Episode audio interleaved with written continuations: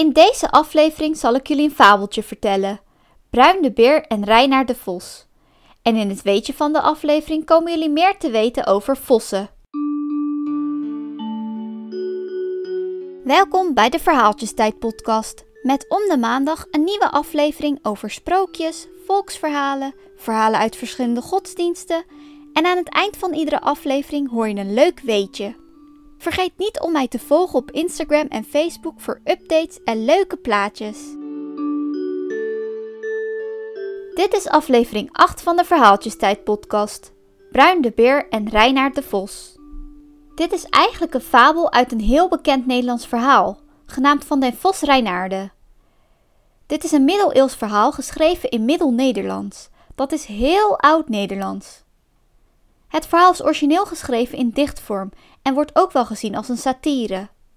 Dat is een vorm van schrijven waarmee er eigenlijk kritiek wordt gegeven op de maatschappij. Het verhaal dat ik nu zal vertellen komt uit dit verhaal en gaat over de sluwe vos Reinaard die Bruin de Beer te slim af is.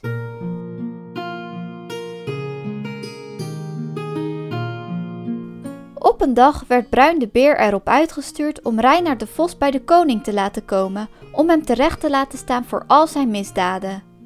Op weg naar de koning moest de beer door het woud, waar Reinaard zijn jachtgebied had. Uiteindelijk bereikte hij de berg waarop de burgman Pertus lag. Dit was Reinaards sterkste verdedigingsplaats, waar hij zich vaak terugtrok als hij in nood was. Bruin ging rustig voor de hoofdpoort zitten en riep Reinaard met een luide stem: Ben je daar, Reinaard? Ik ben Bruin, de boodschapper van de koning. Hij beveelt je met mij mee te komen om terecht te staan voor al je streken. Kom met mij mee, Reinaard, want als je dat niet doet, zal de koning je martelen.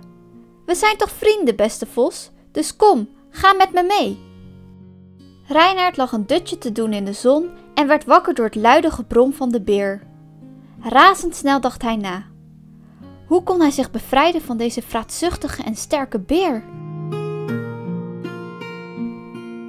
Ach, beste vriend Bruin, riep hij vriendelijk.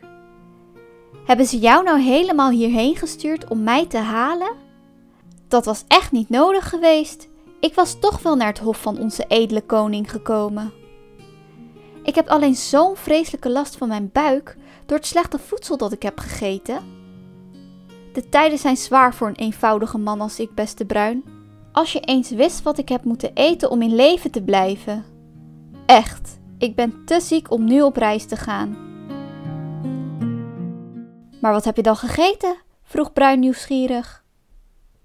Het was werkelijk vergif, echt. Ik kan er niet meer van zitten of lopen. Geplaagd door de honger at ik een hele voorraad honingraten en daar word ik nu voor gestraft. Nee, maar ben je ziek van honing? Honing?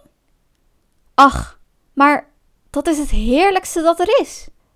Bij de gedachte alleen al liep Bruin het water in de mond. Honing, daar doe ik alles voor. Reinaard, beste vriend, help me die honing te vinden en ik zal je de rest van mijn leven dankbaar zijn. Maar Bruin, honing? Dat meen je niet. Hoe kan ik je daar nu een plezier mee doen? Je houdt me voor de gek. Reinaard, ik meen het. Ik maak echt geen grap. Ik smeek je, breng me naar de honing, riep Bruin. Meen je dat nou werkelijk? vroeg Reinaard. Maar man, ik kan je zoveel honing bezorgen dat je het nog niet met z'n tienen op kunt. Dat je dik en rond naar het hof terugrolt. Genoeg voor tien beren? riep Bruin met een overslaande stem. Nou, dan onderschat je me. Ik ben in staat om in mijn eentje alle honing op te eten die er tussen hier en Portugal te vinden is. Als je mij nu naar die honing brengt, zal ik het voor je opnemen bij de koning en je vrijpleiten. Beste Bruin, het is geweldig dat te horen, zei Reinaard. Hij opende de poort en liep naar buiten. Kom, laten we hier niet langer staan kletsen. Volg mij. Ik zorg ervoor dat je vandaag zoveel honing krijgt dat je het niet kunt verdragen. Bruin lette niet op de spottende toon in Reinaards stem. Zijn gedachten waren bij de honing. Reinaard volgde een pad dat naar het dorp liep. Daar bracht hij Bruin naar het erf van Lamfroid, de timmerman. Op het erf lag de zware stam van een eikenboom, waaruit de timmerman planken wilde zagen. Het eerste begin was gemaakt. Lamfroid had de stam gespleten en in de spleet wiggen geslagen, zoals timmerlieden dat gewoonlijk doen. Hier is het, waar je zo naar verlangt, zei Reinaard en hij wees op de stam. In de boom zit alle honing die je maar wensen kunt. Maar beheers je en eet niet te veel. Het zou me spijten als jou iets zou overkomen. Oh, wees maar niet bang, zei Bruin snel. Overdaad schaadt, zegt het spreekwoord toch? Je hebt gelijk. Waar zou ik me zorgen over maken? lachte Reinaard. Vooruit, Bruin, kruip er maar in en ga je gang. Dat liet de beer zich geen tweede keer zeggen. Hij stak zijn hoofd tot over zijn oren in de spleet en gebruikte tegelijkertijd zijn beide voorpoten om de heerlijke honing te zoeken. Daar had Reinaard op gewacht. Hij trok met al zijn kracht de wiggen uit de stam en de beer zat klem. Bruin begreep onmiddellijk dat Reinaard hem te pakken had. Luid briesend probeerde hij zich los te rukken. Maar Bruin, lachte Reinaard spottend. Heb je nu al genoeg? Dat valt me tegen. Maar wacht, daar ginds komt Lamfroid aan. Hij zal je vast iets te drinken aanbieden. Dat hoort immers bij zo'n maal. En met die woorden haastte Reinaard zich weg, want de timmerman was inderdaad onderweg. De timmerman zag verbaasd hoe een beer op zijn erf beklemd zat in de eik. Hij bedacht zich geen moment, rende het dorp in en riep luidkeels om hulp. Een grote groep dorpelingen kwam toegesneld met stokken en allerlei andere wapens. Hugo met de kromme benen was er en Ludolf met de kromme vingers. Ze waren allemaal erg vreed tegen Bruin. De een liep met een stok te zwaaien en de andere had een bal aan een touw die hij om zich heen slingerde. Zelfs de pastoor rende de kerk uit met zijn kruisstaf en zijn vrouw volgde. Bruin hoorde hen komen en begreep dat zijn dood nabij was. Wanhopig probeerde hij zich los te rukken en eindelijk was zijn hoofd vrij. Maar ach, hij verloor daarbij een deel van zijn hoofdhuid en een oor. Daarna moest hij zijn voorpoten nog loswringen. Ook dat lukte, al bleef het daarbij zijn huid en nagels achter in de boom. Het bloed liep bruin in de ogen en door de rode waas zag hij de menigte op zich afkomen. De beer zette het op lopen, maar bij de rivier werd hij ingehaald door de dorpelingen. Normaal zou niemand van hen de strijd met een beer aandurven te gaan, maar bij deze zwakkeling zagen ze hun kans. De een sloeg, de ander stak en weer een ander liet de zweep knallen. Zelfs de oude dames uit het dorp sloegen er met hun stok op los. Lamfroid was het felst. Hij haalde uit met zijn bijl en raakte bruin tussen zijn kop en hals. Een ogenblik was de beer verdoofd. Toen sprong hij met zijn laatste krachten naar voren en wierp een stel vrouwen in het water. Een van de vrouwen die in het water spartelde, was de vrouw van de pastoor.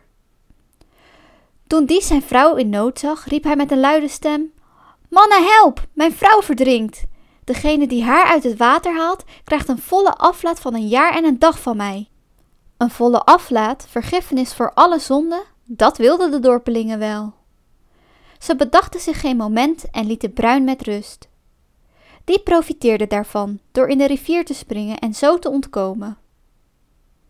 Bruin liet zich met de stroom meedrijven en verdoofd strompelde hij een kilometer verder de oever op. Daar vervloekte hij Reinaard, die hem in deze ellendige toestand had gebracht. Reinaard had intussen goed gebruik gemaakt van de situatie. Hij ving een vette kip op het erf van Lamfroid en ging er daar snel mee vandoor. Op een berg buiten het dorp verslond hij de kip. De schranspartij en de middaghitte maakten hem dorstig. Daarom daalde hij af naar de rivier om zijn dorst te lessen en verkoeling te vinden. Hij mompelde in zichzelf: Dit is allemaal prima gegaan. Degene die mij het meeste schade kon toebrengen voor het hof is dood. En niemand kan mij ervan beschuldigen. De vos zuchtte en sloop dichterbij om zijn machtige vijand eens goed te bekijken. Toen Reinhard zag hoe bruin er aan toe was, kon hij het niet laten de beer te bespotten. God zegene u, beste priester, sprak hij met een luide stem. Kent u de rover Reinhard? Nou, kijk dan maar eens goed, want het rode gevaar staat voor u. Van welke orde bent u eigenlijk? Want uw bloedrode kap komt mij onbekend voor. Ze hebben zelfs een deel van uw oor weggeschoren. Staat u op het punt te gaan zingen of bidden? U hebt immers uw handschoenen uitgetrokken. Bruin werd woedend van dat getreiter, maar hij wist dat hij niet in staat was Reinaard te pakken te nemen. Hij rolde zich naar de rivier om aan de spottende woorden te ontkomen. Weer liet hij zich met de stroom meedrijven en kroop toen uitgeput aan land. Hoe moest hij in hemelsnaam weer bij het hof van de koning komen? Lopen ging immers niet. Ten einde raad ging hij op zijn billen zitten en hopte zo voort. Als hij te moe werd, rolde hij om en om, en zo wist hij uiteindelijk het hof te bereiken. Dit was het verhaal van Bruin de Beer en Reinaard de Vos. In dit verhaal hebben we gehoord hoe sluw de vos Reinaard is. Hij werd door Bruin de Beer opgehaald om terecht te staan voor zijn misdaden.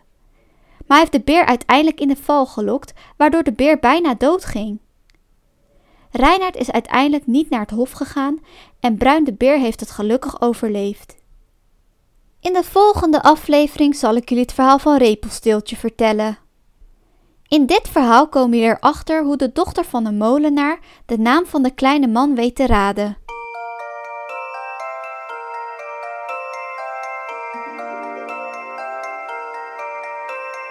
Het weetje van de aflevering gaat over vossen.